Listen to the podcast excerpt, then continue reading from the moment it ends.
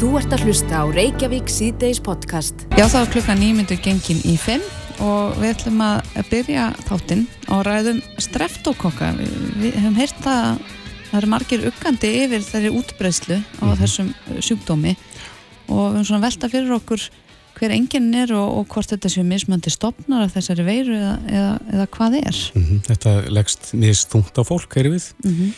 Erna Milunga Kojits er yfirleikni smitt sjúkdómadeildar landsbytjalans. Kom til sæl. Já, sælir. Já, þú vantilega tekur eftir því að fólk er svolítið uggandi yfir þessum faraldri sem að nú gæsar, þessum streftókokka faraldri. Já, en það ástæða til, þetta hefur verið óvanilega slæmt í ár En það mánu segja að já, þetta er bakterja sem veldur hálsbólgu vanalega mm -hmm. en það sem er óvanalegt í ár er að það er meirum ífarandi streptokokkasíkingar. Það er að segja djúpar síkingar sem fara í blóð og síkja jafnvel vöða og mjúkveði víðar en ekki bara hálsbólgu. Mm, það sko gefur að skilja að það leynir sem vantarlega ekki þessar ífærandi síkingar? Það leynir sér ekki, nei, það, það leynir sér ekki. Þetta eru alvarlega, alvarlega síkingar sem, að, sem fólk getur mjög lasir af, bæði ungd og eldra. Hver, hver er þá mörnun á þessum uh, stopnum? Svona hefur þetta að lýsa því? Já, sko, það, þetta er kannski ekki spurningum mismunandi stopn og þú getur verið með mjög aggressívan eitt stopn. Mm -hmm. Það er að segja að, já, en Það er ekki mikið, sko þegar við erum að tala um stopna þá erum við aðalega að líta á sem sagt genamengið og hvaða, hvaða prótín viðkomandi stopn býr til og það vil svo til að hér hefur þetta aðalega verið einn ein stopn en þetta er ekki endilega sami stopnin hér og var til dæmis í Breitlandi eða Fraklandi. Mm. Þannig, að það fyrir ekki eftir stopnunum hversu rætt eða hvort þetta dreifir sér í, í önnur lífæri? Eiginlega ekki. Það getur hvaða stopp sem er búið til þessi toksín sem að síðan fara um líkamann og dreifi sér. Mm -hmm. en, en fólk sem satt byrjar á því að fá hálsbólgu eh, og, eh, og hvaða enginni taka svo við ef að síkingin er uh, þetta alvarleg? Já, það fer þá eftir því hvar, hvar bakterían tekur sér bólfestu. Þetta byrjar eins og segir oft með hálsbólgu, fer síðan í blóð og þá ertu bara slappur með hita en síðan getur þetta farið í vöðva og þá fær fólk verki á ákveðnum stöðum þar sem að þetta fer í vöðva eða mjúkparta mm -hmm. þannig að það fer svolítið eftir því hvert hvar, hvar bakterían tekur sér bólfestu hvernig enginnin eru Er mikið unna hér á landa fólk hefur þurft að leggjast inn vegna starfstokoka?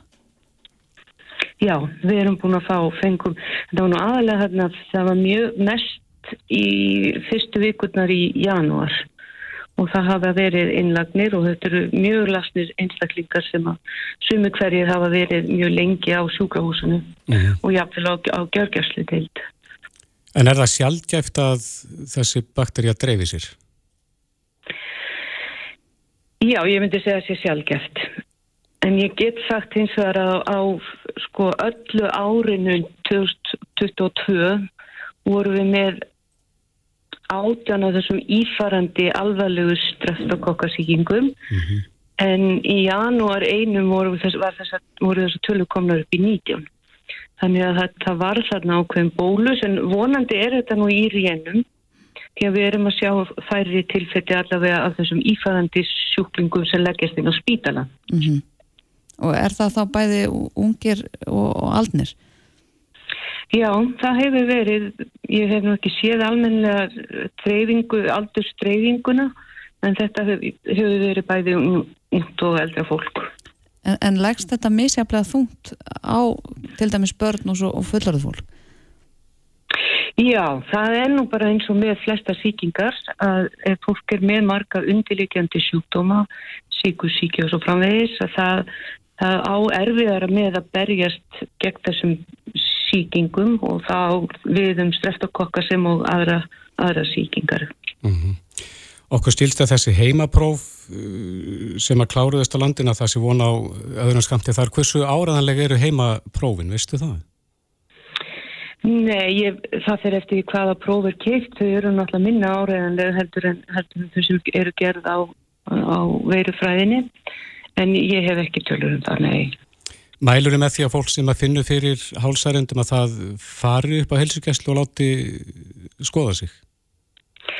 Já, það eru ákveðna leifinningar um sem að heilsugjæslan hefur gefið út um hver ætti að fara að láta skoða sig og það eru þessar slæmu hálsbólkur sem með, með já, mikinn róða í hálsi og háan hita. Ef fólk fær hita þá mæli ég með því að fólk láti líta á sig. Þannig að þá er meiri líkur á að síkingin sé alvarlega ef að fylgir hár hitti? Já, hár hitti er ákveði merki um að síkingin sé alvarlega, ég myndi segja það. Mm -hmm. Já, við vonum svo sannlega að þessi, þetta sé liði hjá, þessi, þessi toppur á þessum faraldri. Já, ég vona það svo sannlega líka. Ég hef mér sínist að en það er náttúrulega tímin leiðið það í ljós. Mm -hmm. en, en í löndunum í kringum okkur, er, er, er þetta þá í rénun? Já, allavega breytar hafa, hafa gefið mikið út af þessum upplýsingur, þetta er aðeins í rénum, já. Mm -hmm. Þetta náði hámarki þar líka sínist mér mm -hmm. í janúar. Er, er þetta bráðsmitandi? Já, streftakokka geta verið bráðsmitandi. Þannig að ef einhver er síktur en á heimilega þá eru líkar á því að aðri fjölskyldumælimir veikist líka? Já, já. Já. Mm -hmm. Já, Erna Milunga Kótsík, yfirleiknir smittsjúkdómadeildar landsbítala. Takk kærlega fyrir spjallið. Já, takk sem er leis. Bless, bless. Bless. Þú ert að hlusta á Reykjavík C-Days podcast. Reykjavík C-Days, klukkan 23 myndi gengin í 5. Ég var ennaðis við niðurstöðu konuna sem voru með um helgina. Endilega. Við, við spurðum hvort að fólk væri hlindið andvikt uh, því að sætjum uh, ingöngu í Europasambandið. Emmið. Og þeir sem eru mjög nokkuð andvík því að uh, sætjum ingöngu eru 46,1%, mjög og nokkuð hlind 44,9%. Og ef við tökum frá þá sem eru korkin ég, mm -hmm. að þá er niðurstaðan 50,55% sem eru mjög eða nokkuð andvík og 49,45% mjög eða nokkuð lind. Þannig að það sé mjótt á munum? Það er mjótt á munum þarna og það voru réttum 12.000 sem að tóku afstöðu til spurningarinnar. Einmitt það. Já, við ætlum að ræða þessa könnun, efni hennar. Þeir eru sestirni hjá okkur Freyðjón Freyðjónsson, borgarfulltrúi sjálfstæðsflokksins og varaþingmaður sama flokks og Jón Steindor Valdimásson, fyrirvændi þingmaður viðreistnar og núverandi formaður Evrópurhefingarinnar. Velkonni báðu tver. Takk fyrir það. Takk. Kemur þetta eitthvað óvart þannig sem mjótt á munum á milli þessar tveikja hópa, þeirra sem eru andvýr ingöngu og þeirra sem eru lindir? Ég má... Já, já, gjörðu það svo vel. Nei, nei, það kemur nú í, svona í sjálfu sér ekkit óvart eins og er þetta, þetta er minnst þetta nú samt svolítið merkileg niðurstað, þetta skulle vera svona alveg nýfjamt og með þetta fylgri virðingu fyrir aðferðafræði þessar könnunar og, og vísinda heitum að þá held ég að hún samt gefi talti góða svona mynda því sem er að brjótast um í fólki þessa, þessi missirinn og þessa mánuðina kannski. Mm. Og þetta er svo sem í samræmi við það sem hefur verið að, kannanir hafa verið að sína, að, að það hefur verið að draga mjög saman með þeim sem eru svona hlindir og þeim sem eru andvýr og, og svona einna lengsta könnunin eða sem sagt samhangandi könnun aftur í tíman eru kannanir sem að maskína hefur gert og áður MMR sem að rann inn í maskínu. Allar götu frá 2011 og núna síðustu þrjár mælingar þá hafa þær sínt að það er annarkort svona nýfjamt eða, eða og svo síðasta að, að þeir sem eru hlindur hafa verið að síga fram úr og það er í fyrsta skipti í 11 ára sögu þessara kannana þannig að það er alveg greinlegt að það er eitthvað að breytast, það fyrir ekkit á millum mála. Mm. Fríðan, hvernig stýrir þau þá sveiflu?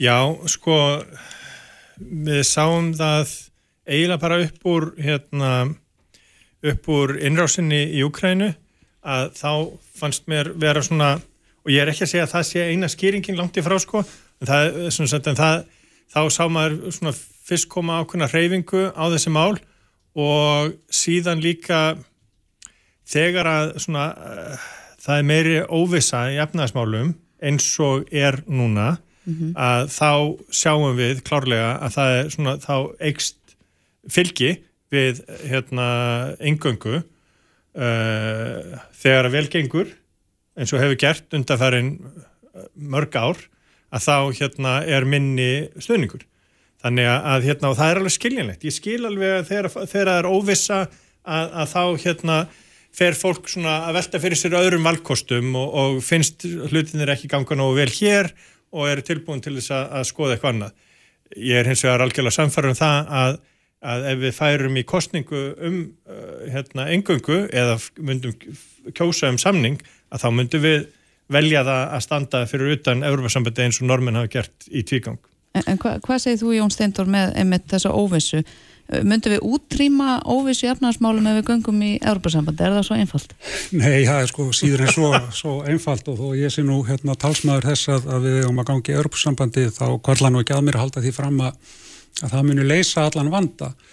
Eins og er held ég svona í framhaldi orðum friðjón sko að, að ég held að þetta sé að sumulit tala rétt greining. Ég held að mjög margir hafi kannski svona farið að velta fyrir sér sko öðrum hlutum þess sem að Evrópa stendur fyrir heldur en bara spurningunum um efru eða krónu við, við þessar hörmungar sem auðvu í og er standið yfir í Úkræn og þá held ég að fólk hafa ferið að velta því fyrir sér sko er ekki mikilvægt að Evrópa standi saman fyrir hvað stendur Evrópa, hvaða gildi er hún að verja og eigum við ekki að vera þáttakendur þar og leggja okkar á mörgum. Ég held að þetta skipti gríðarlega miklu máli.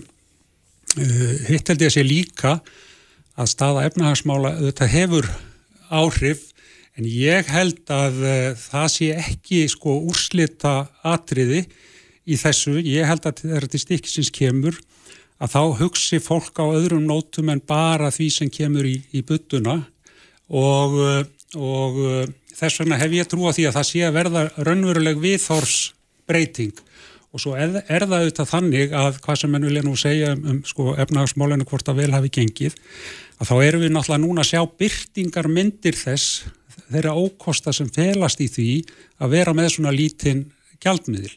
Það eh, blasir við okkur öllum, það er ekki annað en að tala við lántakandur sem er að borga núna vexti sem hafa verið að sko markfaldast eða afborgarnar og þetta eru, eru þeirra ókostir sem að blasa við og um, ef við lítum bara söguna aftur í tíman að því að menn segja ekki að þannig að hvað er ekki verðbólka í Európa, hafa ekki vexti verið að hækka þar. Mm -hmm. Jú, jú, verðbólgan er samt sem að það er miklu minn en á Íslandi og vextir eru miklu lægri og þetta er einstæmi nánast í Evróku síðustu áratvíi en nánast daglegt brauð hér á Íslanda þetta gangi svona upp og niður. Verðbólka í Þískalandi er uh, að seipuðum stað og er hér. Uh, verðbólka í held ég í einhverjum 10-15 uh, löndu, Evrópulöndum er mun herri heldur en hérna og og það, hvað hún er lægst í Evrópu, það er í Sviss sem er ekki með Evruna og er ekki Evrópasamvöldinu. Þannig að þetta snýst ekkit um sko, hvort að við, en ef við ætlum að taka dæmi á því að segja að Evrópasambandi bjargar okkur, þá er það ekki hægt að benda á stöðu efnaðasmála eða vöxt í Evrópasambandinu eða, eða yfirleitt neitt annað efnaðaslega þegar við ætlum að sko, taka þetta sem dæmi. Já, ég tók það skýrt fram hér áðan, ég telt að þetta bjargaði ekki hérna, okkur efnahagslega og það er auðvitað mjög auðvelt bæði fyrir Já. mig og þig að vera mjög selektífir á dæmin sem við veljum því það er þannig að það er náttúrulega ekki sko 15, 10, 15, 20 land sem eru með, með færri verðbólgu heldur en Ísland, það er ekki þannig þau eru miklu færri, en það eru dæmi um það að, ver, að löndir með miklu færri verðbólgu, Eistarsalslöndin til dæmis mm -hmm. sem hafa verið í mjög sérstökum aðstæðum akkurat núna vegna innrásarinnar í, í Úkrænu og, og önnur sem eru með lægri. Þetta er ekki ávísun á það en reynslan sínir okkur að að jafnaði eru þessi mál í miklu betra ástandi Já. innan Evrópu heldur en hjá okkur. Það, þú getur ekki neyta því ef þú bara hárist í auðvið sögulega staðrindi. Endur koma okkar eftir, eftir hérna, efnaðasrunnið eða bankarrunnið sem að gerðist allstaðar í heiminum sko eða allstaðar í vestarni heimi var miklu örgar og miklu fljótari vegna þess að við vorum ekki bundin inn í Evrópusambundinu og hérna okkur tókst betur að komast tilbaka en þannig að sko ég, ég hef samfæringu fyrir því að við stöndum okkur betur með því að, að gera þetta sjálf og, og, mm -hmm. og við höfum frá, sagt, frá því að við fengum sjálfstæði Ísland okkur hefur vegnað alveg stórkostlega þessi hérna, tæpu 80 ár sem að síðan eru þannig að hérna, það dæmi finnst mér vera besta skýringadæmi og besta dæmi en það, okkur, okkur sem okkur þjóð, hefur, okkur sem landi já, hefur vegna stórkvölda. Og skára væri það nú, við höfum gert allar þessar auðlindir sem við höfum, já, við höfum en við getum staðið okkur ennþá betur og almenningur geti haft það ennþá betra og við hefðum miklu betri framtíðarsín og öryggi til framtíðar. En fyrir Það ekki er- veðrið líka það er- betra? En nú, nú ertu nú komin annað sko. En En, en, en þetta, er, þetta snýst auðvitað um það Já. að eigum við að láta þjóðina ráða þessari ferð eða eigum við ekki að láta hana ráða En þig. finnir óttast fyrir það auknu kröfum um stöðuveri gjaldmiðil? Að gjaldmiðilin sem við höfum er bara á lítill. Ég finn ekki, ég, við heyrum auðvitað þessar rattir og, og, og hérna og víða að sjálfsögðu. En hérna en að samaskapi að þá gerir krónan okkur það kleift að vera um, kvikari held ég sé best orðið til þess að, lýsa því, við erum kvikari að breyðast við efnaðs aðstæðum og, lendum síður í því að lenda í fjölda atvinnuleysi og svo framvegis. Með því að fella gengið. Já með, já, með því að gengið flúttir er eins og hérna, en núna höfum við búist mjög, við höfum búið við stöðugt ástand síðan og eiginlega síðustu tíu ár, síðan að túrismin jógst og, undir vörskættajöfnur varð betri. En Þetta er svona svolítið ringrög sko. Það er svo gott að hafa krónuna því við erum með krónuna og krónan veldur okkur vandræðum og þá hjálpar hann okkur aftur úr þeim. Já, en, að samanskapi er þetta, svona ódýr, lausn að segja alltaf að efran Nei, þessu ég öllu segi sko. það ekki, Já, ekki já. leggja mér orðið mun, ég hóf mál mitt á því Nei, að ég segja segi- að það væri einmitt ekki þannig að hún myndi bjarga okkur, þannig ekki leggja mér orðið mun. Ég tel að hún muni hjálpa til við að ná betri stjórn á málum, setja okkur Mhm. ramma sem er miklu betra fyrir okkur að hafa, heldur en að geta tekið kollsteipur og það, þegar allt er komið í tóm vandræði þá getur verið gott að taka kollsteipu og láta krónuna laga vandamálið.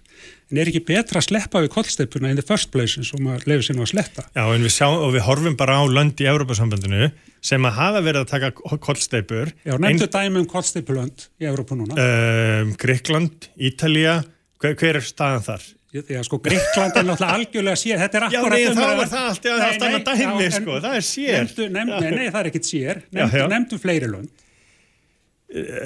Hvað, hérna, þú veist, Írar fóru illa út úr bankarhörnum á sig tíma, já, en, en hafa verið að koma tilbaka. sig betur Jú, jú. við? En sko, sko, þetta er nefnilega þannig Nei, þú segir, þú, tekur ekki svart og mark á, hvítt. Jú, þú tekur ekki mark á því þegar ég benda á ég, sko. ég er að segja þér, Já. að að að meðaltali og fyrir sko þjóðins og okkur sem erum þrátt fyrir allt með mjög gott skipulag og ég myndi nú ekki, finn, mér finnst það ekki vera sangjart samanburður að bera sko stjórnarfar á Íslandi og tilhauðun efnahagsmála saman við það sem tíðkæðist í Gríklandi og ég vona og sér Já, ekki að meina nei, þetta nei, sem en- en- sambærileg en vegna Norðmönnum hafi verið. sambærileg Já. þjóðfélög. Noregur er, síðan annað svona ekstrím dæmi þar sem þeir eru með sinn ólíu sjóð Já, og það já. er alltaf gott að fara svona í ekstrím orkuna. dæmin til þess að finna rauk fyrir sínum Og við erum með orkuna. Ég segi, horfum á það sem gengur að meðaltali best. Já, en okkur Flestum- gengur vel, okkur hefur gengið vel á þessum gengur 80 vel. árum. og gæti gengið enn betur. En ég má ég spyrja það, Jón Steindór, Já. ef við tökum gjaldmiðlun aðeins til hliðar og fjöllum bara svona almenn lífskeiði, hvað græðum við á því að í Európa-sambandi? Eitthvað sem snertir fólk bara dagstæðlega? sko, í fyrsta lagi er það þannig að Evrópusambandi snertir okkur öll dagstaglega og ég held að við séum búin að gleyma því sum hver hversu gríðarlega miklu máli Evrópusambandið skiptur um allan okkar hag. Ég en orðin svo gamall að ég man nú þá tíð þegar að, hérna, við vorum að gangi efta á sínum tíma, pappi var einnaðamaður, var hann í, í húsgagnabransanum og við gengum þar inn. og voru teknið tollar af íslenskri framleiðslu og það var mikill harma kvein þegar það gerðist. Í kjölfæri var það það samt þannig að lífskjör snarbatt bötnuðu. Þetta var það sama sem var upp á tegningnum þegar EES samningunum var í bígerð. Það er nú ekki að fletta lengi í alþingistíðundins að lesa upp alla þá dómadagsdóma sem þar voru uppi um Já, já. það hvernig myndi fara fyrir okkur og það hefur aldeilis ekki gert það. Og hvaða reglur eru þetta? Hvaða starfsumhverfi er þetta sem okkur í daglegu lífi eru, eru sett? Þau eiga lang, lang, að langmestu leiti upptök sín í Evrópsambandinu. Ég er Það alveg samanlega því að EES samningur skiptur okkur sem gríðarlega hefur máli. orðið til þess að, að þetta gerist og ég segi eigum við ekki vera með, eigum við ekki hafa áhrif og gæta okkar hagsmuna beint. En er það ekki EES bara nóg? Nei, það er nefnilega ekki nóg og dæmin sanna það, við erum eitt mjög skýrt dæmi núna sem var nú gerð reyndar mjög góð skopmynda hérna í fréttablaðinu daginn þar sem að ríkistjórnar fórkólotnir voru að hlera á fundarherbergi Európusambansins það sem er á að fara að setja hérna, skatt á, á útblástur af flugi. Mm -hmm. Þetta eru reglur sem að munu snerta Íslandinga. Það er búið að leysa þetta innan Evrópussambansins. Ég man ekki hvað Þórtús Kolbrún sagði, hún var í búin að, íslenskir ennbæðsmenn var í búin að halda 100 fundi, hún var í búin að tala við 32 eða 3 ráþerra núna á síðasleginu ári. Og, og það er búið að skrifa bref til Brussel þar sem er verið að grátbyggja um taki tillit til okkar hagsmuna. Mm -hmm. og það er alls óvíst að það verið gert. Mm -hmm. hefði ekki verið skynsalegra fyrir okkur í þessu tilviki Já. og hefði það ekki verið líklegra og þú, að við værim á betri stað. Þú ert alveg vissum það Nei, ég er ekki vissum það. Ég, ég, ég myndi segja að líkurnar á því að hafi menn setið saman við borðið þegar mann sagði, við verum að að gera eitthvað þessum útblastir í þessum flugulum. Uh, Hvernig hefur að gera en, það? En þetta eru svona ef og hefður Nei, sko? þetta er ekkit ef og hefði. Nei, nei, jú, jú. nei, nei, og ég bara byrði að nefna þá, fyrst að þú segir þetta, að þetta eru alveg sérstakir íslenskir hagsmunni, þetta er svo langir flugleikir til og frá Íslandi. Algjörlega, og gott að við séum að sinna hagsmunni gæstu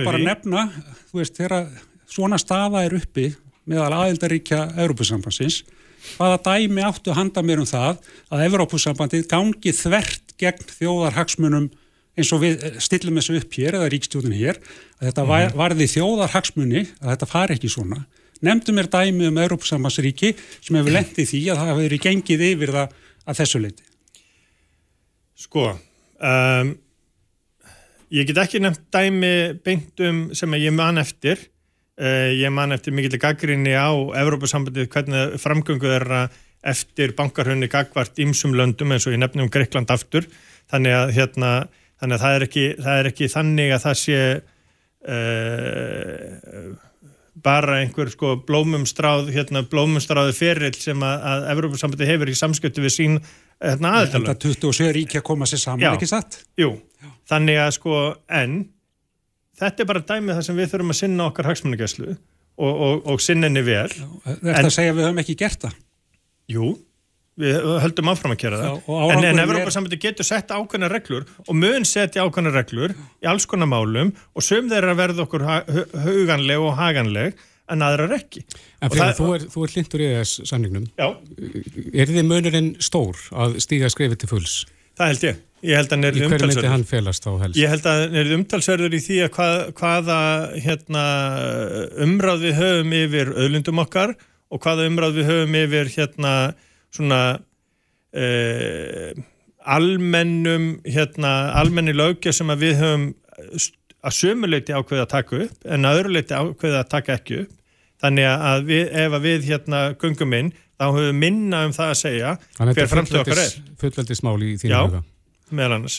Já, ég held, þetta er bara mjög fínt að, að þetta skuli vera nefnt, þetta er mjög oft nefnt, það eru er auðlindirnar, það eru fiskimiðin og, og orkan. og uh, nú er það þannig að það, uh, menn greinir nokkuð á um það hvað er líklegt að gerist í þessum málum, ekki satt. Jú, jú. Ég meina, sumir fullir, það að, að það gerist ekki neitt eða, eða harla lítið. Og aðri segja að, að, þetta verði allt tekið frá okkur. Já, já, ég satt, ég satt fundi um þriði orkupakkan sko... Já, já, þú kannast við, kannast við þá umræðu. Já. En sko þetta er svo sem ég get ekkit fullirt um það nákvæmlega hvernig þetta mun líti út og, og ég rekna með að fríðan geti það ekki heldur. En, en við gætum það hugsanlega ef við myndum hérna, semja við Európsambandið og hafa samningaborðinu með efnisákvæðum og atriðum, þá gætu við rætt um það, er, nú leikur þetta fyrir, já, er þetta gott eða vond? Við fórum í þá vekk. Hann ekki, já, já. Þú, þekkir það alveg vel og ég að þar, þar var lagt á stað og síðan var hættið miður í á, það var, því var lofað að þjóðin fengi að, að segja til um framhaldið, við munum það nú mjög vel mm -hmm. og það var svikið og ég segi núna, er ekki komin tími til og ég er alveg búin að, að hérna, sætta mig við það að það verður að gera þetta með svona tvöfaldri atkvæðagreyslu alveg eins og sjálfstæðismenn lögðu til á sínum tíma. Ajá. þannig að þeir þekkja það, þeir lögðu það hérna, til á sínum tíma og hefur nú kannski verið skynsalegt að, að fara eftir því þá. En það fór nú ekki þannig og ég er búin að skipta um skoðun og ég sætti mig við það. Ajá. þannig að nú segi ég bara við fríðan félaga minn eigum við ekki bara að leggja til að það verði haldin þjóðaratkvæðagreysla um það hvort að við eigum að halda áfram? Og þar getur við sagt já eða nei. Ef við segjum já þá verður samið og svo kemur samningur og ef að mér líkar hann ekki og þér líkar hann ekki, þá segjum við báðir nei, er ekki? Ajó. En ef okkur líkar hann, þá segjum við báðir já Já, já, sammála við þessu. En- en ef þér líkar hann og mér líkar hann ekki, Já, þá segi ég já og þú nei og hver, er- og hver er þá niðurstaðan? Þjóðin hefur talað, er það ekki langt best? Ég, ég er þeirra skoðunara og hef alltaf verið þeirra skoðunara það sé ekkert að því að, að, að kjósa um hvort að við förum í aðeldaviðraðar eða ekki mér hefur alltaf fundist að vera bara hérna, basic mál sem við getum alveg tekist á um. Hérna, og, þá þarf líka að fylgja sko, hérna, mjög góð og upplýst umræða. Mistök og, og ég segi mistök sko, þeirra sem vildu að aðeld fyrir tíu árum síðan, að rúmum tíu árum síðan voru svo að það var reynd að keira þetta í gegn inn í ríkistjótt sem að var ekki einu svona samstíga um það að vilja fara inn. Og það var hérna og, og, og ástæðin fyrir því að það gekk ekki, held ég uh, fyrir þá sem að vildu fara inn var það að ríkistjóttin sjálf var svo ósamstíga og ósamálega um hvort að þið vildu fara vinstirstjótt Jóhann Sigurdóttur að, hérna, að það var engin leið fyrir þau að klára málið. Já, já, ég, ég get alveg tekið undir það, það var auðvitað mjög óheppilegt, þess vegna held ég að sé þess svo vegna- gott já. að sé, við heldum svona atkvæðagreislu, gerum það bara fyrir næstu kostningar, hálfu ári fyrir næstu kostningar, þá bara eh, geta kjósendur spurt, niðurstaðan var þessi, ætlið að virða þessa niðurstöðu og Mhm. pólitíkus sem treysti sér ekki til að virða niðurstöðu í þjóðaratkvæðagreislu, hvað á hann að gera? Á hann ekki bara að gera eitthvað annað? Jável, jável Já, vel sko, Jafnvel. þannig að mér finnst þetta já. bara líka vera svo augljóst að þetta við að gera En og þá þurfum við líka, þá þurfum við líka að setja ákveðin skilirði um þáttöku og, og svo framvegis sko. að sjálfsögðu, er það skilur að að vera?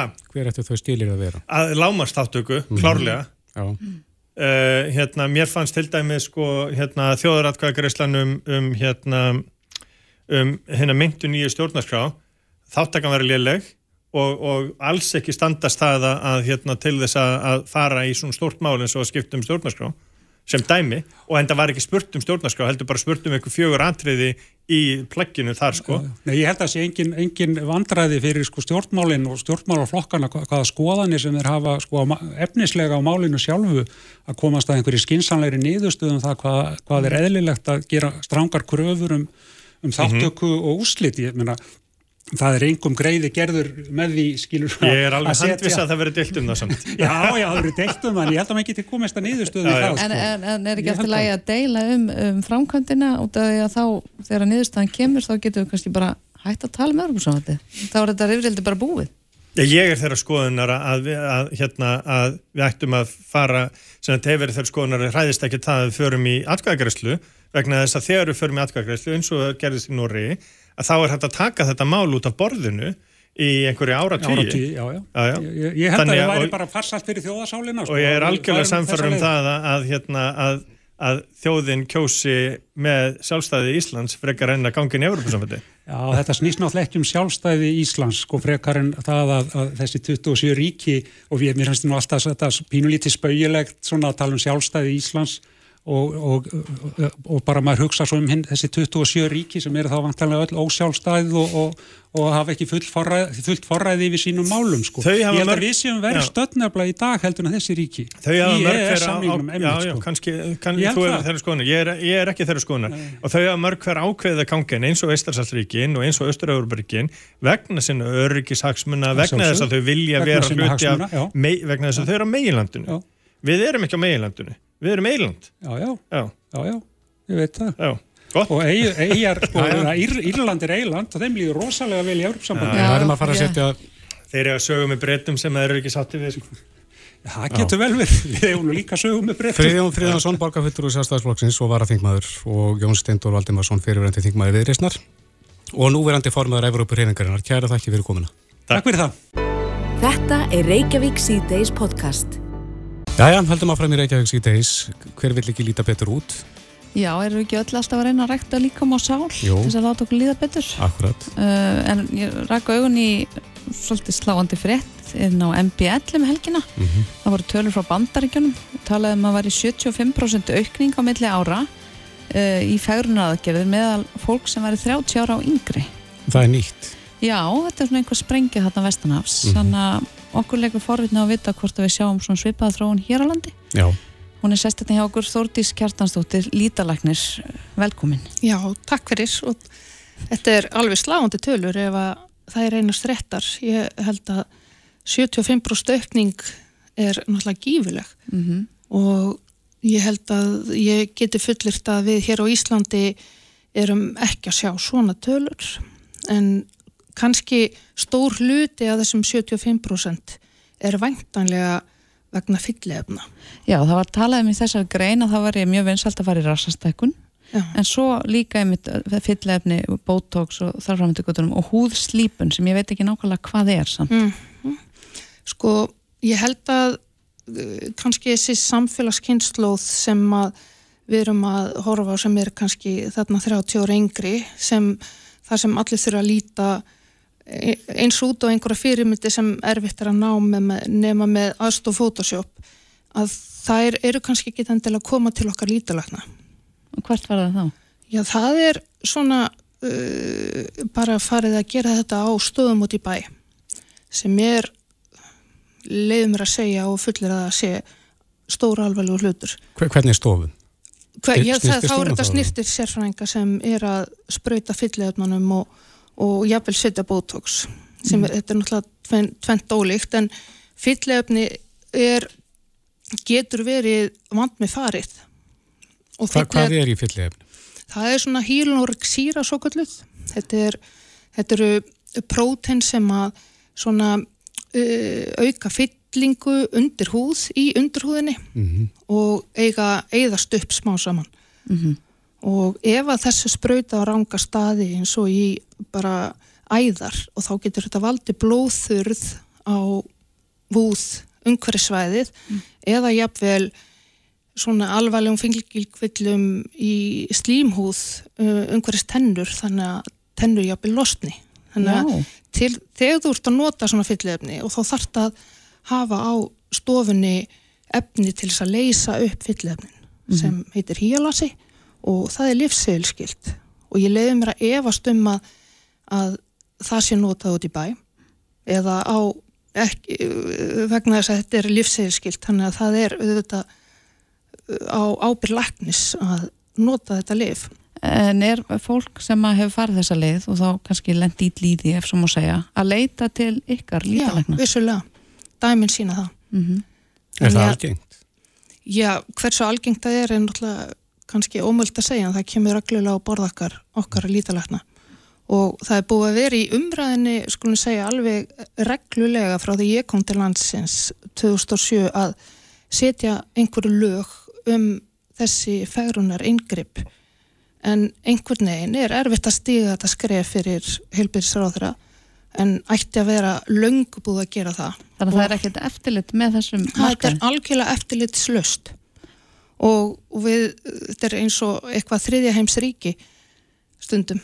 En, en eins og fólk sem leitar til þín, mm -hmm. sem hefur lent á illa í því og far, farið einhver stóti bæins, þú segir, er þá skaðin varanlegur? Er, er þetta laga? Já, ef að þú erst búin að spröyta mjög miklu fyllefni í til dæmis varir og þá getur þetta auðvitað svona Eh, valdið einhverjum langtíma svona líti en núna nágrannaríki okkar Svíþjóð uh, júli 21 voru sett lög um, um þetta. Þannig að það er engin nema heilbriðis eða læknir og und, í undatekningatilfellum hjókunarfræðingur sem starfar undir, undir ábyrð læknis sem má vera með færunar yngripp eins og fyllefni eða, eða botox. Mm -hmm. Gildir það sama um botox eins og þetta fyllefni? Botox er ætti bara að vera í höndun lækna vegna þess að það er sko alveg livsælskilt og er í raun að vera liv og mm. það er svona an, annars, það er annað efni þetta sprautað í, í hraukur beint til þess að hérna slaka á vöðu sem búa til þessar skemmtilegu aldursbreytingar á okkur. En ég velti fyrir mig sko að verðum að ræða þennan hóp 30 ára yngri, hvort þessu mm -hmm. er líka sko haldið að þessum hópi, ég var aðeins búin að vera að skoða þetta og þá, þó ég sem reyndar ekki í þessum hópi lengur, að þá poppar upp auðlýsing á Facebook uh, með fermingatilbóði í til dæmis húðslípun og fyllefni sko fermingartilbúð, við erum að tala um 13-14 ára gamla stúlkur, þetta, þetta er með að stúlkum Hvað finnst þér um, um svona auðvilsing? Þetta er íslensk sagt, eh, stofa sem auðvilsið þetta. Ég ætla ekki að nafngreina hvað stofa það er. Ég er bara orðlös. Þú varst að sína mér þetta rétt á hann. Bara, þetta segir okkur það að þetta þarf að vera í sko, und, það þarf að setja reglur um þetta eða lög og þessi starfsemi þarf að vera uh, undir eftirliti, auðvita það, þetta er bara stór alvarlegt mál Mm. Hvað aðgerðir eru vinsalastar hjá lítalagnum í, í dag, svona fegrunarlega séð?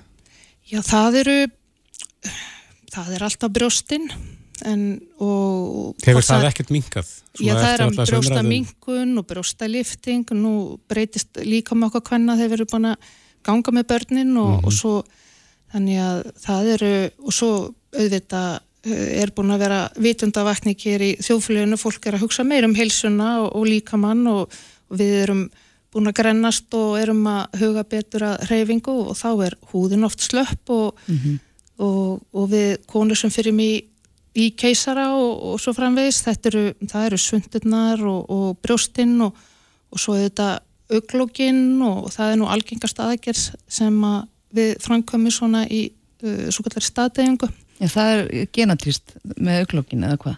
Já, það er bara eftir í hvernig maður eldist en auglógin uh, eigaðu þetta til að síga með aldrunum og líkur auðvitað misjaflega í, í svona fjölskyldum en og með, með hérna Teams og, og Zoom og þá fór fólk að taka frekar eftir því og við tökum eftir vissulega aukning og undarfærið á Íslandi. Ég get nú alveg tekið undir það einhverju leiti að það sé aukning í færunaðgerðum í kjölfar í uh, COVID. Já, eftir alltaf fundin á netinu. Já, þá er fólk að horfa á sjálft, eða hor- horfa á, á nærmynda sér í tölfunni og, og tekur eftir einhverju sem Öllum smáatröðum. öllum smáaturum sem eh, fólk lætir allt í hennu fara í, í, í töðunar á sér og svo var líka fólk allt í hennu geta farið að vinna heima og, og þá geta að jafna sig eftir einhverja aðgerð og haldið áfram að vinna. En er, en er fólk en þá feimið að segja vinnufjölugum eða sín nánustu frá því? Er me meira en það að fólk fari aðgerð og emitt vinni heima og sé svona svolítið ósýnilegt á meðan það jafna sig? Já, það er fer svolítið eftir í hvaða aðgerður um er að ræða en til dæmis auglógin, fólk finnst mér bara einmitt geta sagt, já þetta er, þetta er í ættinni Mm eða þá þetta var að fara að trubla lestur og, og svo framvegis þetta er, þetta er eitthvað sem ég upplýði frá því ég kom heima að fólk fer minna í felur með. -hmm. Er þetta niðugreitt af sjúkratryggingum? Það er ekki niðurgrætt nema að sé sko að valda skerðing og sjónsviði Já. sem er algjör undantekning. Mm. Er það svona almennt með færunaðagerði? Það eru ekki... Já, já, já. Að það- Þetta er borga á reyn vasa. já. Þetta er, þetta er fjárfesting. Þetta er fjárfesting, jú, jú. Og en, það er auðvitað bara, fólk þarf ekki að passa allt í sama bóksið, að allir að vera eins, heldur auðvitað speillin og, og svona sjálfsýmyndin sem, að, sem fólk er að meta með sér hvort að sé þörfa á að gera eitthvað eða ekki. En það eru vantarlega sveiflur í, í þessu? Hvað er vinsalast og... Það er alltaf sveiflur, Já. en við þurfum að munna að það er ekkert sem er áhættulegs, eins og það er hægt að fá blæðingar og sýkingar í kjölfar allra aðgerða, en, en það er líka áhættur sem sagt í þessum blessu fyllefnum og, og bótósi. En er einhverjar aðgerðir að koma inn núna svona sem að þú sér það er að vera vinsalli? Um, ekki myndi nú segja það. Nei. Kanski, jú, núna nýverið að, að þessi brjóst, þau eru annarkvort, uh, þetta er, er sveiflukent frá það ég byrja að starfa, að brjóst, hvort að brjóst eru stórið eða lítil, að núna eru konur farnar að láta taka búðana og, og, og setja jafnvel einn fit í staðinn en, en þetta er, það eru sveiflir þess eins og, eins og allir. Í, í þessar grein sem við myndast á hérna í byrjun þá að tala um rassastakkanir. Er mikið um það á Íslandi? Það er ekki mikið um það. En, en ger, það gerist. eða? Það gerist, já, já. Og hvað er þá gert? oftast og ég held að ég geti fullir það að sé enginn að setja neina svona e, silikompúða en það er gert erlendis og, og þá kannski í, í Brasilju þar sem þetta er mikið í tísku en við erum að nota fytu frá, frá eigin fytu fólks til þess að stakka rassa. En þú tekið á lærum eða eitthvað svoleiðis? Og... tekið neðst á bakinu kannski og, og lærum og, og hliðunum og sett í rass en við, Er það fyrir sem er komið til að vera þá? Já, fit, þetta er svo kallar fytu flutningur, þannig að það er alltaf ykkur svona eh, hlutafitun sem lifir ekki af hennar flutning. Og þetta er flutningur umverulega á lifandi vef. Þú þarft að fita sem hún flytur hvort sem það er í andlit eða brjóst eða hvar sem það er. Og þá þarf fytu frumann að fá næringu og, og, og blóðflæði mm -hmm. til þess að lifa af flutningin og ef maður er að sitja um mikið og þá bara er, er ekkert uh, hérna uh, þá bara eidist meiri fyta upp en hérna það er mhm. alltaf einhver, einhver rýrnin á þessari fytu sem flytum já Ég ímynda mér að fólk sem leti þín sér kannski búin að velta þessu fyrir sér lengi sama hvað það er að fara að láta að gera eh, hvernig líður þið eftir á? Sko þegar fólk horfir í speil og, og fær þessa ósköffilda eins og maður segja.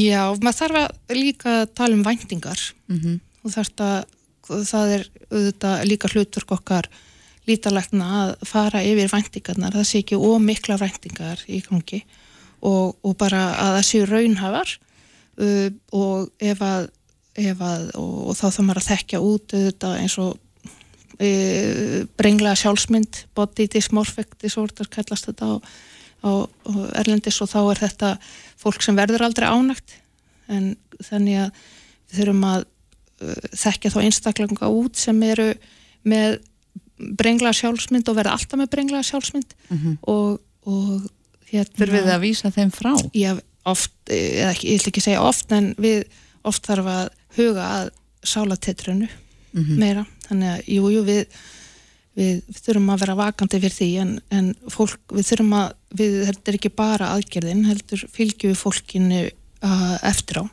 þannig að það sé uh, svona góð eftirfylgni og getur leita til okkar ef það er eitthvað sem kemur upp á mm -hmm. eins, og, eins og getur alltaf gerst Er það aldingt að fólk verði háð þessum aðgerðum?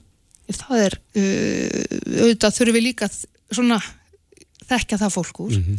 Og, og líka vísa fólki á svona uh, rétta brautina gæsaleppa þú við þurfum að vita okkar tapmörk og líka tapmörk uh, fólksins og stjórna einmitt vænt, hjálpa fólk eða, með væntingarna sko. Mm -hmm. en ég held að það sé undantekninga að fólk vilja alltaf fara í eitthvað meira og meira. Þannig að einhver svona dæmi sem að sér erlendis frá á, á uh, eitthvað svona fólk sem hefur farið algjörlega yfir strikið að það sé sjálfgeft hér eða undantekning algjör. En er eitthvað um það að þegar að fólk er meðvitaðið mitt um væntingar og búin að taka svona þess að fyrstu, fyrsta spjall með þér mm -hmm. að mhm. það hætti við? Já, já.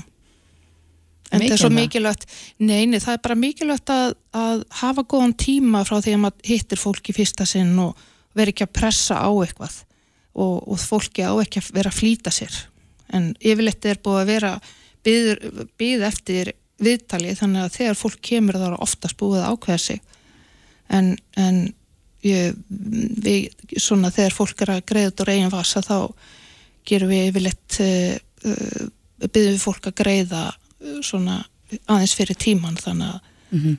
en það séu vissulega búið að hugsa sér velum það er mjög mikilvægt og jafnvel að hitta okkur aftur og og fara aftur yfir það sem stendur til að gera. Mm -hmm. Já, þetta er áhugavert. Þórtís Kjartansdóttir Lítalæknir hjá Læknahúsinu. Deametika. Læknahúsinu Deametika. Já, kæra þakki fyrir komina. Herri, takk fyrir að koma. Takk fyrir að bjóða mér. Takk. Þetta er Reykjavík C-Days podcast. Það er ekki að hverjum degi sem að við heyrum um íslenskan herr eða hugmyndur um íslenskan herr? Nei, ég býst nú við því að það, svo hugmynd sé uh, framandi fyrir okkur flest, mm -hmm. ekki vönd þessari hugmynd. En það er komin átt bók sem að fjallar einmitt um þetta mm -hmm. og uh, þörfin á íslenskum herr og það er uh, Arnó Sigur Jónsson, varnamála sérfræðingur sem að gefur þessa bók út sem er komið til okkar, velkomin. Það er gæðið fyrir. Já, viltu meina það að núna á þessum breyttu tímum eftir að stríðistjallur á í Úkræna þá sé meiri þörf á íslenskum herr en áður? Já, ég held að það sé alveg borleikjandi. Við erum með, með stór styrjöld í miðri Európu, mm -hmm. fyrsta eftir setni heimstyrjöldina sem framkvæmstur allarsbandilis hefur varað allar Európu þjóða við að geti breyst um alla álfuna mm -hmm. og eh, ef það gerist sem ég til vera meiri líkur en minni á þá er náttúrulega Norður Atlasaf undir sjóflutningarleðinar frá uh, Norður Ameríku og Kanada mm -hmm. yfir til Evrópu mm -hmm. og þar með Ísland þannig að það sem er að gerast í Evrópu það hefur svo sannlega áhrif okkur og er öryggis áskorun fyrir íslenska öryggis og varnarhagsmunni. En er ekki nóg að við séum í þessum sterku varnarbandalögum eins og við heyrum svo oft? Í það sem ég hef verið að leggja sérstaklega áherslu á er að, að jú, aðeld okkar allsmandalægin og tvílega varnarsamningu við bandaríkinn eru mikilvægi þættir í vörnum landsins. En grundvallar áskorun sem við stöndum frammi fyrir er þessi. Hvað ætlum við að gera hvað ætla Íslands stjórnvöld að gera ef að Ísland verður fyrir fyrirvara lausri og óvæntri árás, hvort sem það er fjölþótt og árás eða hemdar og hriðverk að þeir eru stærðagráðu að við ráðum ekkert við það. Mm -hmm. Við erum herlulega sjóð, við höfum ekkert lið hér, enga liðsafla til að bregðast við því og það tekur tíma að virkja uh, varnasamlingi við bandaríkin og eða aðkomi allarsbandalagsins að slíku. Hvað þurftu við stóran hér til þess að geta varið? Ég landið? legg til að við höfum þúsund manna hér og 500 manna varalið. Er það nóg? Það myndi vera nóg til þess að tryggja hernælega mikilvægi innviði hér á landi mm -hmm. þannig að við getum tekið um átti liðsauka og liðsabla sem kemur okkur til bjargar og hjálpar. Mm -hmm. En það höfum við ekki í dag. Við, okkur vandar þessi verkveri í verkveri kýstuna þetta er svona viðkvæmt málefni. Það er fólk er algjörlega á öndverðið meiri, meiri bara varðandi það að vera í varnarbandalagi með öðrum þjóðum. Hvernig svona hefur þessari hugmyndinni verið tekið? Uh, ég fengið eh, mörg mjög jákvæð símtöl og, og kvækningu og, og lof fyrir að, að hérna þetta frumkvæði. Síðan hefum við náttúrulega heyrt eins og þið heyrðuð í hátisfréttum í gær og formar auðverkismálandar telur enga og eh, stafa af þessu sem öryggis átökum sem eiga sér stað í Európu mm -hmm. að við sjöum bara í stakk, vel í stakk búin til að takast á við allar þeir áskorun sem við kunum að standa fyrir, framifyrir hvort sem það er eh, eins og hann læði til, við höfum jú lauruglu, sérsveit og, og hjálpasveitir, ég sé ekki alveg hvað hlutur þeir hafa í, í þessu en en þetta var nú það sem hann sagði. Þannig að þetta er svolítið ráðandi fyrir viðhorf stjórnmála eh, stjættarinnar hérna á Íslandi. Já, við myndum ekki senda björgunarsveitirnar í, í gegn innrásar hér Nei, og var að formaða framkvæmdurflöksinslæði til að við notiðum tollverðina til að hjálpa okkur. Já. og ég er ekki alveg sem að þeir myndi vera hrifnar af þeirra hugmynd. E Erum við þá bara svoand á verðinum eh, að þínum andi? Já, við erum á sjálfstýringu uh, allt er í góðu lægi við þurfum ekki að gera neitt og við þurfum ekki að borga meira en nöðsinn krefur fyrir okkar eigin varnir. En þetta er nú yfirleitt svona fjárfregur yðnaður, herrgagna yðnaðurinn. Uh, eh, hvað myndi þetta kosta að vera með 1500 manna sveit? Sko, í dag eru við að leggja, er, er, er, í fjárlugun 2022, mm -hmm. þá voru við, uh, notum við 0,088% af verkri landframlýslu í varnatind verkefni og meðan aðra þjóðir allarsbandalansins eru að eigða um 2% af verkri landsframherslu og það er stefna bandalagsins að allar þjóðir nái því markmiði 2024 mm -hmm. nema Ísland. Við stöndum fyrir utan að því að við höfum ekki eigin herr uh, með öðrum orðum við ætlum að láta aðra sjá um þetta fyrir okkur eins og alltaf hvað myndi við uh, þurfa mikið uh, fjármagn í þetta mm -hmm. uh, ef við Íslendingar með að við fjárlög 2022 uh, miðum við 2% af verkri landframleyslu í varnir og öryggi landsins þá er það cirka 66 miljardar mm -hmm. en, en hvað tekið þetta langan tíma að byggja upp þennan hér? Það tekur daldinn tíma myndi, ég áallega myndi taka svona 6-7 ár og uh, það fels meðal annars í því að við þurfum að þjálfu upp mannskap. Þetta þarf að vera vel þjálfaður hópur? Já, þetta þarf að vera vel þjálfaður hópur, það þarf að byggja upp uh, mannvirki sem að uh, koma að notum og það þarf að afla búnaðar. Mm -hmm. þetta, er, þetta, er, þetta, er, þetta er ekki sprettlöp, þetta er langlöp, mm. en uh, það þarf að hefjast handa og við veitum ekkit hvers lengi núverandi strísátök í Úgrænu var eða hvort að þau uh, takmarkist aðeins við landamæri í landsins, þau geta breyst út. Þetta getur tekið mörg ár og við höfum ekki hugmyndu um hvernig þetta endar. Mm -hmm. og á meðan þá eru við bara í, í rólhetum á sjálfstýringu. Nú þetta reddast? Þetta reddast. En nú erum við með þekkjum til það er flugherr og það er landherr og sjóherr Hvernig er þið blöndunin á, á þessum íslenska hér? Ég, ég miða aðeins við landir uh, vegna þess að, að flugherr er mjög dýr í, í rekstri og, en ég sé fyrir mér að, uh, að íslenskur herrmyndi hafa yfir uh, hérna drónum að ráða mm -hmm. og mönnuðum uh, flugförum sem að hægt er að nota til upplýsingu öflunar eða, eða árása eftir aðtökum. Mm -hmm. það, það er ekki dýr, dýr, dýrbúnaður. Mm -hmm. Við myndum ráða við það. En hver byrti þjálfa þennan hér? Við myndum, við gerum ráð fyrir því að, að, að, að yfirmenninir eru því þjálfaðar ænlendis, í Norðurlöndunum, Bandaríkjónum, en undurmenninir færu í sérstaklega skóla sem við myndum þurfa að stopna hér. Þú er spáð lengi í þessu, hér ég?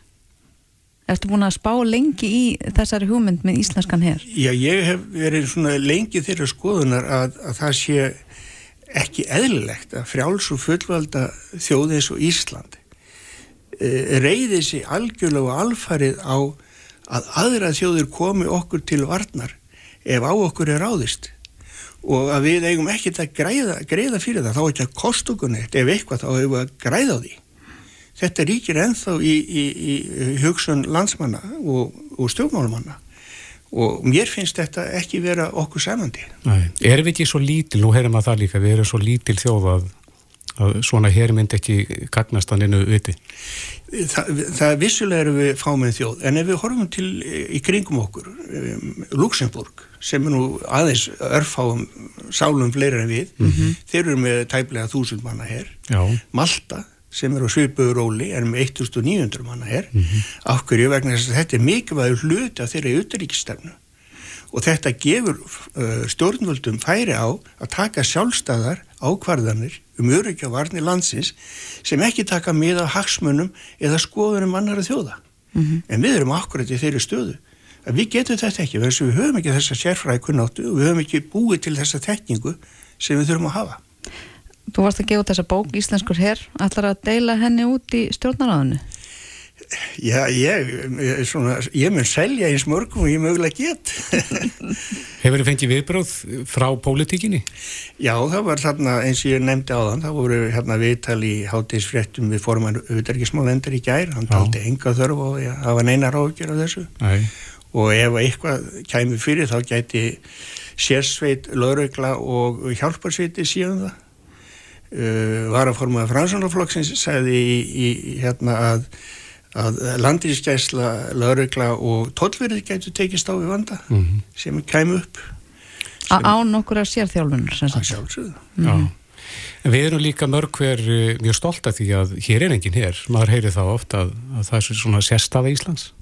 Jú, það er rétt, það, er, það eru margir sem að, að halda því fram. En ég, bara, ég sé ekki þessa sérstöðum, ég finnst hún vera stór hættuleg það er eins og menn gangi út frá því og gera því skóna að við munum aldrei standa frið fram með neyndi ógnun eða vá að það séu einhver til í heiminum sem að hafi einhverja hugsun eða þörf fyrir það ásælast það sem við höfum eða leggja landi bara hreinlega undir sig mm -hmm. en svo eru við að horfa á Rúsland þeir vaða inn fyrir landamæri sjálfstæðs og fullvalda ríkis vannvirða öll alþjóðulög og drepa hundruðið þúsunda manna mm -hmm. og reyka 2 miljónur á flótta Þetta er að gerast í dag. Einmitt.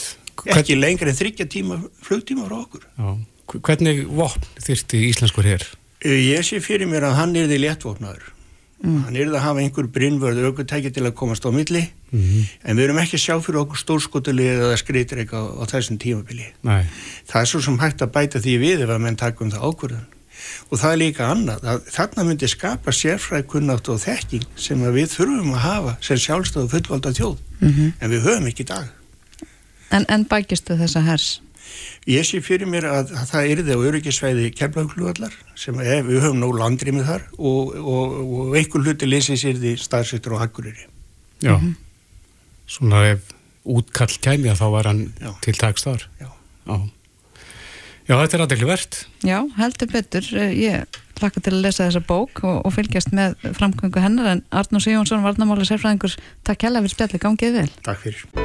Reykjavík síðdeis á Bilginni podcast. Jæja, Reykjavík síðdeis heldur áfram. Já. Það maður að snú okkur að heilbyrðis málum. Já, heldur betur. Um, við lásum skoðanapistilinn á vísi í dag mm -hmm. sem ber yfirskriftin að leiði mér að kynna ykkur fyrir óvinni mínum og þessi pistill er mest lesin í dag Eh, en það er hann sláandi. Uh, þannig verða að tala um óvinn sem heitir átröskun mm -hmm. og þennan pisli skrifa Arna Pálsdóttir hún er móðir barns með átröskun og hún er sestinni hjá okkur, velkomin Arna. Já, takk. Uh, Hvernig líður þér eftir að hafa hend þessu út í kosmósi? þetta er, þetta er auðvitað ákvörðun að byrta svona pistil. Kannski fyrst og fremst út frá því að þú ert að opna uh, uh, þú ert að opna dittnar ekkert neginn inn á heimilið þitt, þú ert að ræða málumni út frá þinni reynslu. Uh, ég vildi ekki fjalla sérstaklega um veikindi dóttur minnar. Hann átti ekki að snúast um þau. Það eru svona fyrst og fremst kannski tvær ástæði fyrir því að ég skrifa og kannski byrti pistilinn. Og annars vegar að fjalla bara um sjúkdóminn sem slíkan uh, ádröskun, geðröskun og svo heilbreyðiskerfið okkar. Og hvernig heilbreyðiskerfið okkar uh, veitir meðferð í þeim málumnum og það er svona megin ástæðar fyrir því að ég einhvern veginn opna inn á mitt heimili til þess að geta mögulega lagt eitthvað að mörgum í þá umræðu sem er þörf. Mm -hmm. Það er um það bel átjón mánuði sem ég kynntist óvinni mínum.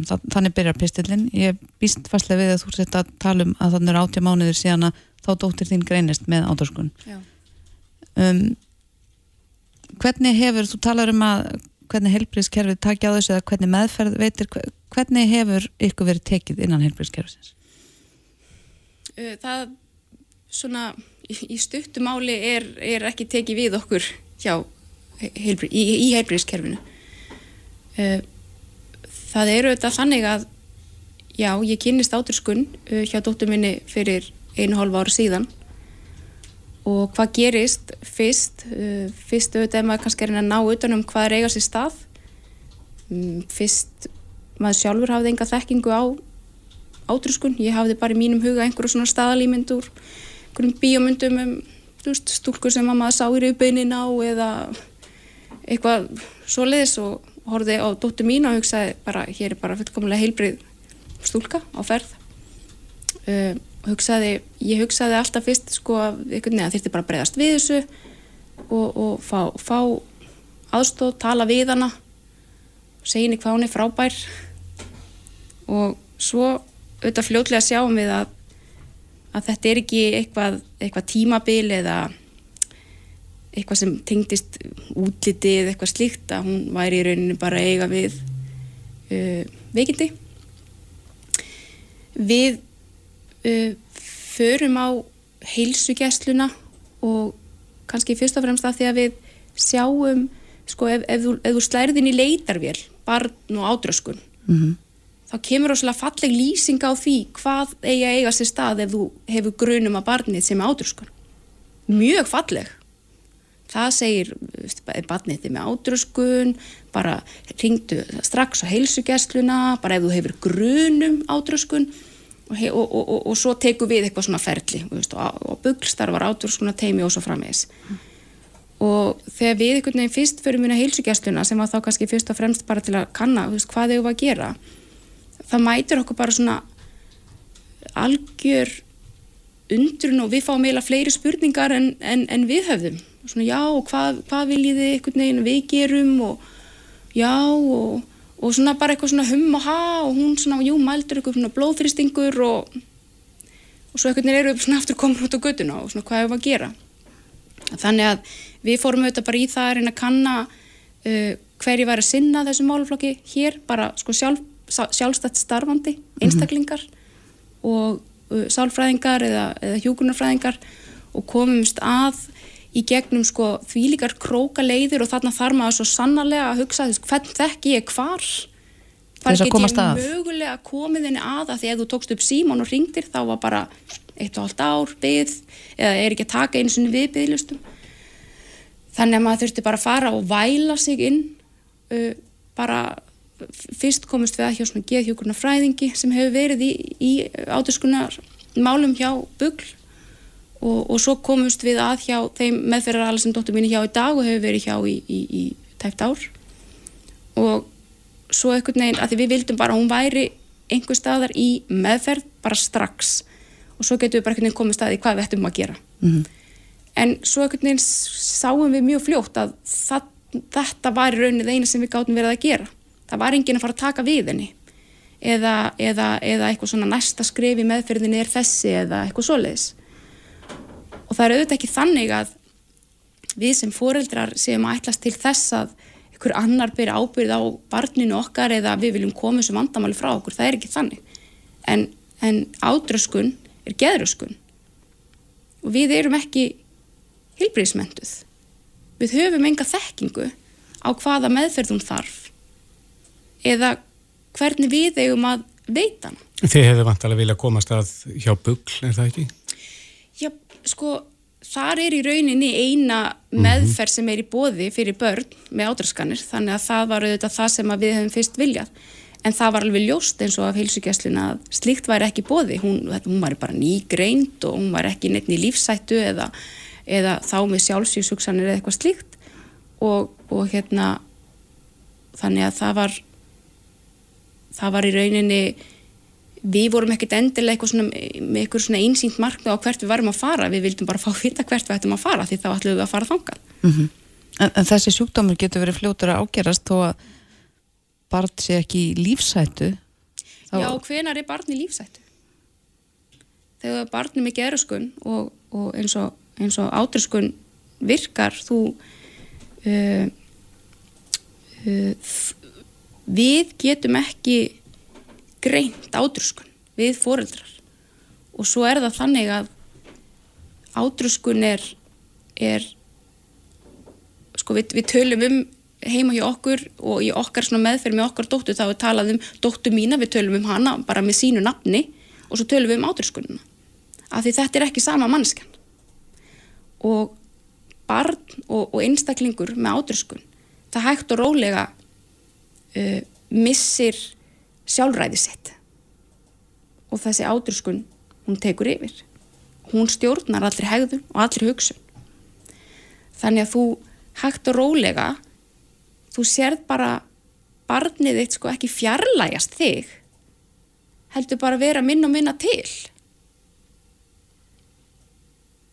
Allur personu leikin hann bara hægt og rólega dopnar og það er þannig að það fylgir þessu afskaplega mikil sorg. Af því hún gerist hægt og hún er lúmsk og þú finnur þetta oft í svona stigum. Þú veist að líður einhvern veginn einhver tími og það fer allt svolítið að fletjast út persónuleikin hennar og okkar af því að hann nær tökum á öllum. Allar vennjur sem eitt sinn voru sem badnið þitt veist, hafði gaman af þessu og hinu og bara hættir. Það hættir að vera það sem það var og verður bara þessi vera sem er ádröskun. Og þess vegna er svo mikilvægt það sem við gerum og það sem allt snýst um er að við tölum um ádröskunina og við tölum um að við treystum henni ekki. En við treystum stelpun okkar. Mhm. en hún bara hins vegar hefur allt og litla stjórn þessa dagana og þar að leiðandi verður við að setja afskaplega skýra reglur um uh, hvernig er borðað og borða, hún þarf að borða undir eftirliti það þarf að vera eftirliti eftir að hún borðar og þetta snýst ekki um um útliti eða einhvers konar lífstíl eða, eða mat tegundir eða mataræði eða neitt slíkt. Þetta snýst um óbúrslega þráhyggju óbúrslega þörf fyrir að hafa stjórn stjórn á einhverju. Af því að vanlíðan verður það mikil og það fylgir þessu afskaplega mikil skömm bæði hjá þeim sem er veikur hann gerir allt sem hann getur til að fela veikindin sín en það er líka hver sem er sem myndi horfa á dóttur mín í dag það, það væri næstu því erfitt að, að ljúa því að við komandi að, að, að dótti mín var í lasin Þeir standu út í miðri á núna Já. hverju myndi þið vilja breyta? kannski eins og ég sagði í upphafi þegar maður skrifa svona pistil uh, kannski komið ákveðnum þólraunum hjá manni. Uh, ég, var, ég hef sagt að að það var svona svolítið eins og fyrir einu álfa ári þá sagði einhver við mig, þú veist, rétt út handlegin og setti stein í lóan á mér. Og, og þú veist, skilju, steinin er ekkert þungur. En einhvern veginn á þessum tímapunkti núna þá er svolítið svona, annarkort dettur handlegurinn af mér eða ég verða að fá að leggja hann niður. Það er þetta er verkefni og ég veit það. Og ég ber ábyrða barninu mínu, ég veit það. Við fáum í þeirri meðferð sem hún er að, að vita og, og lesum okkur við maður er búin að lesa sér svo sannarlega til um þetta að foreldrar gegna svona líkil stöðu í bata. Af því að þetta snýst allt um heimilið þetta snýst um ég meina barn þarf að borða þetta er svona svolítið eins og alltaf að einhver hérna væri í, með fíknisjúkdóm eða annað og myndi segja já ok, ætlum við að komast yfir hérna, hérna áfengisfíknina þína og þú þarf samt alltaf að drekka 6 glös á dag sko. Og hérna einhvern veginn svona við ætlum samt að ná bata. Og, og hver máldi getur orðið erfið og það þarf einhvern veginn að fylgjast með henni þannig að þetta eru auðvitað, það er allt undir, allt, allt heimili, það er allur dagurinn einhvern veginn undir alltaf. En það sem kannski skortir er bara við, það er engar leiðbynningar það er bara sagt fóröldra gegna líkil stöðu og það er líka ítir svo undir þetta veist, farðu með þetta heim og, og laga þetta þar. Mm. veist, þetta varðar ekki heilbríðskerfið og geðraskanir fá svo oft þennan stað. Og þá gerist það að þú einhvern veginn ert allt í einu svo einn með þetta í fanginu og af því að foreldrar flestir upplifa þetta svona þá er umræðan svo lítil. Og maður gæti upplifa sig svo einan með þetta. Og pappina sagði endum daginn mér finnst stundum eins og það hafi aldrei neitt bann annað á Íslandi greinst með átröskun. Það er bara það veit enginn hvað er hver er á að gera hvað. Og við erum hjá meðfeðraða sem segir þið þurfa að fara heilsugjastluna og gera svona svona svona. Það þarf að viktana og það þarf að gera líkamskoðun, það er alls konar auðvitað fylgjikvillar áturskunar, sjálfskaði og fleira sem að, sem að er einhvern veginn allt sett bara í einhvern veginn hræri graut og mæla blóðþrýsting og fleira. Og svo kemur heilsugjastluna og segir já, við hérna, ég má koma hérna með barnið og það er í meðferð og vegna áturskunar og, og læknirinn horfið bara á það og segir já, ok, hvað átt ég að gera? Já, já, ok eitthvað annað, já, og, og eitthvað fleira sem ég átt að gera Vist, það, það er eitthvað neinn það Nú finnum fyrir úræðaleysi úræðaleysi og maður er mhm. sjálfur eiginlega svona upplýsa um sko, já, þú ert svo að gera þetta og þetta og við, okkur matar þetta mm -hmm. þannig að það er sko það þarf að opna sko umræðan breytist ekkert nema maður setji inn í hana einhverja reynslu og það er bara þannig að það myndi enginn segja uh, þú kemur með barn sem væri með einhverju enginu og það væri veikt og í ljós kemur að það væri með sigursíki og læknir myndi segja þetta barn þarf insulín auðvitað uh, hverjum degi annars verður það lífsættulega veikt mm -hmm. og bara um leiða það eru lífsættulega veikt kontu það aftur og við skulum gefa það insulín En svo við segjum þetta mest lesnið pistillin í dag og það má finna hann uh, undir skoðun á vísi.is Arna Pálsdóttir Kæra þakki fyrir komin og gangi ykkur vel. Takk fyrir. Reykjavík síðdeis á Bilginni podcast. Já, það var klukkan farin að ganga sjö og við ætlum aðeins að ræðum dýrin okkar. Við elskum það, við Kristófur allavega. Já, ekki spurning og þau hefur allt gott skilið. Heldur betur. En það er spurning hvort að uh, fólk sé óvægi við dýrin þegar eitthvað kemur upp á mm. og við erum ákvæmst hér á frétt uh, inn á fréttablaðinu Það sem ég talaði um það að það er verið að aflýða helbrið gæludýr en uh, það getur ekki talist eðlileg orðlög þessara dýra. Nei, kannski hefur það verið talið eðlilegt fyrir einhverjum áratugum síðan. Mm -hmm. Finn bara árum, þetta er nú búið að breytast. Viðhorf okkar til dýra hefur einhvern veginn breyst mjög hratt til betri vegar. Ekki spurning. en það er sittið hérna hjá okkur Valgerður Valgerstóttir, formadur Dýrahjálpar Íslands og Sonja Stefansdóttir, framkvæmdastjóri Dýrahjálpar Íslands. Velkonar. Takk. Vi, við hjóum bæði eftir þessari fyrirsögn í fréttablaðinu, ég og Kristófer. Um, er það ekki sammála því að viðhorf okkar til dýra almennt hefur breyst ansið rætt?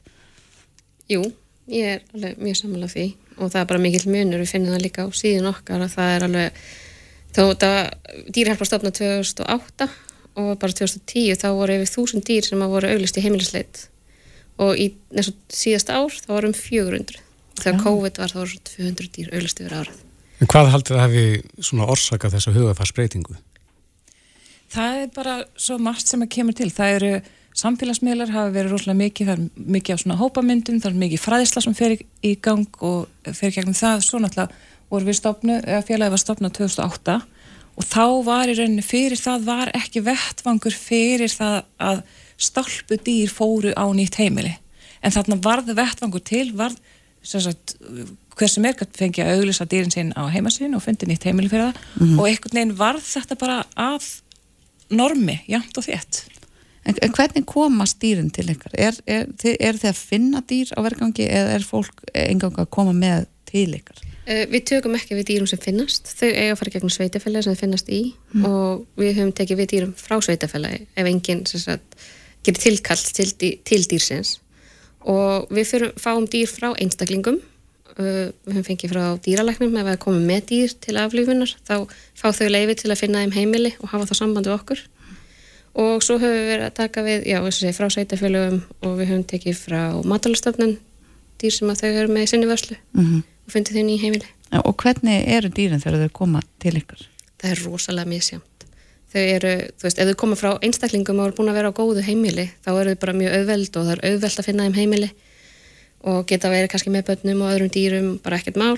Og ef við erum að taka við dýrum sem eru að koma kannski úr öslusvifting og annað sem er búið að fara ítla með, þá er miklu lengri tími að vinna úr dýrinu, þá þarf kannski atverðlis, þjálfun og bara með einhver hefðunavandamál eða bara rætt Sjáu þið um, um atverðlist þjálfum þá? Eða... Við erum í samstarfi með hérna, fólk sem hefur lært hundaallsvæði mm -hmm. og þau eru bara okkur mikið innan til handar. Svo erum við hundathjálfara líka. Er mikið um það að, að dýr þurfi atverðlist meðferð?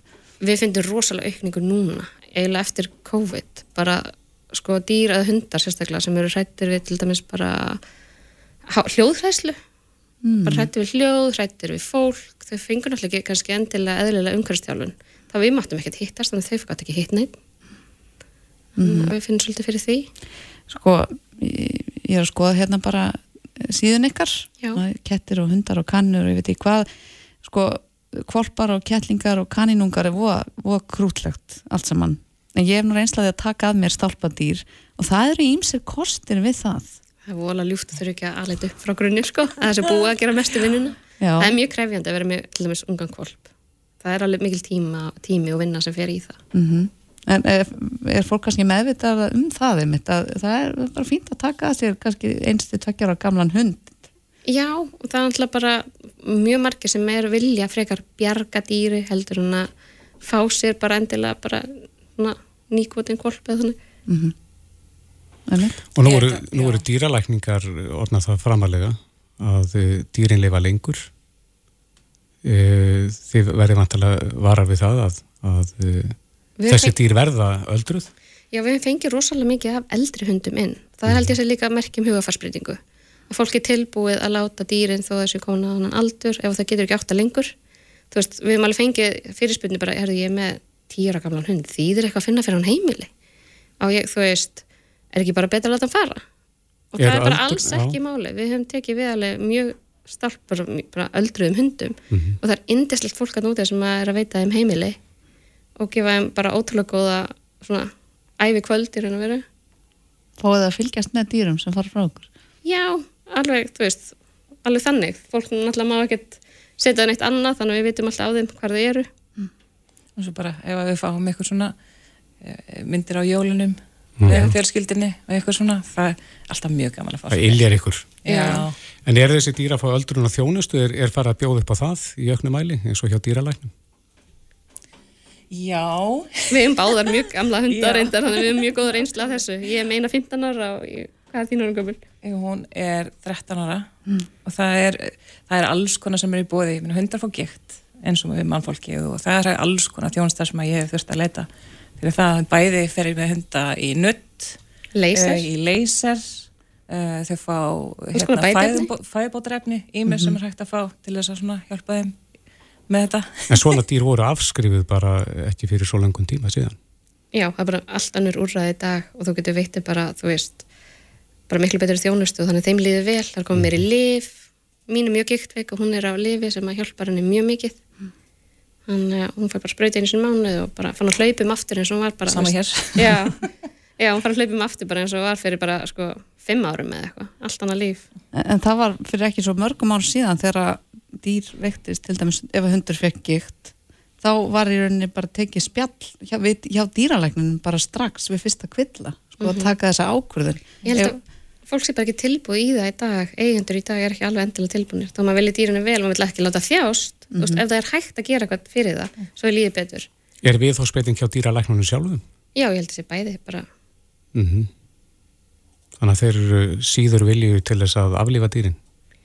Eða eða bara fæstir. meiri úrræð, Já, bæði meira meiri í bóði, Mhm. fleiri tegundur livjum og, og hérna... Og náttúrulega helbrið líf, þá held ég sé, nei helbrið hérna dýr, ég held að síður tilbúinir að aflífa þau. En er þá eitthvað um það að heilbrið dýr séu svæð? Alveg öruglega eitthvað. Það er alveg, náttúrulega, við getum ekki svarað fyrir það. Mm en, en ég velt fyrir mig, ég sé hérna að það eru 809 kísur, 33 kanínur. Já. Það er alltaf svolítið mikið af kanínum sem er heimilsnið. Við náttúrulega vorum í kanínu verkefni þar sem við tókum inn alveg mikið af kanínum úr hérna elladalum Mhm. og við erum ennþá bara að vinda ofan að því og reyna að finna heimili fyrir þær. Það geng, er mun færri heimili sem eru tilbúin að taka sér kaninur fólk gerir sér ekki grein fyrir hvað þeir frábær gældir og alveg bara, bara fyrir fullorðið fólk að vera með kaninur heimilin er bara, það er bara gaman, þetta er ekki endilega gældir fyrir, dý, nei, fyrir börn segi Mm Er, er minna að vesera að vera með kanínu en hund til dæmis? Það er bara allt öðruvísi. Jú, þú þarfst ekki að fara með kanninu út. Mm En á sama tíma þá er hún, sko, kanninu verða alveg 10-12 ára og ég er sjálf með sko hund og kanninu. Já, og lætur hundurinn kanninu í frið? Já, já, já, já, þau kúra stundum saman bara í sofanum og eru sæt, sko. Og uh, þær eru kassavannar, þú bara setur svona eins og kísu kassa út í hotn og með sægi og einhverju og þá bara lærir hún það. Mm. Þannig að þú getur verið með lausa kanninu bara eins og, Og- eins og og- kött, sko. Er þetta félagsverður? Er, er þú að mikilvægt. með kanninu? Já. Já, það er alveg það getur alveg lagst hjá þau sko, það er alveg svona mismundi persónuleiki og annað sem er mjög sjálfstæðar en hinnar en það er alveg þess að geta alveg leið hjá þér í sófanum, þetta er gaman Ok, ég einhvern veginn hef ég þá ímynd í haustum að það séu svona frekar grimmar kannski og ekkert sérstaklega mikið fyrir mannfólk. þar geta verið frekjur sko það er ekki það en hérna, en jú, það er vel alveg vera í kringum fólki sitt sko við ættum að fjárfesta í kaninu heimili. Já, Lillu hotni í, í húsinu. hvernig væri það? Með kvita? Ég veit samt ekki hvort að hundarnir mínu myndi að láta hann í friði. það er mjög misjænt eftir dýrunum líka veist, við erum alveg lent í heimilin sem að vera með kött og bara kötturinn bara hættir ekki að reyna við þær Mhm. og þá þarf maður bara að endur með þetta Ok, þetta er mjög fyndið. En við mælum bara með því að fólk kíkja inn á dýrahjálp.is hvort sem það er í dýraleit Mhm. eða er kannski með dýr á heimilinu og eitthvað gengur ekki upp. Það var allavega betra að koma því í réttan farveg í staðin fyrir að aflífa það ef það er heilbrygt. endilega Valgerður Valgerstóttir, formaður Dýrahjálpar Íslands og Sonja Stefansdóttir, framkvæmdastjóri Dýrahjálpar Íslands. Takk kærlega fyrir spjallið, gangi ykkur vel. Takk fyrir Hlustaðu hvena sem er á Reykjavík C-Days podcast.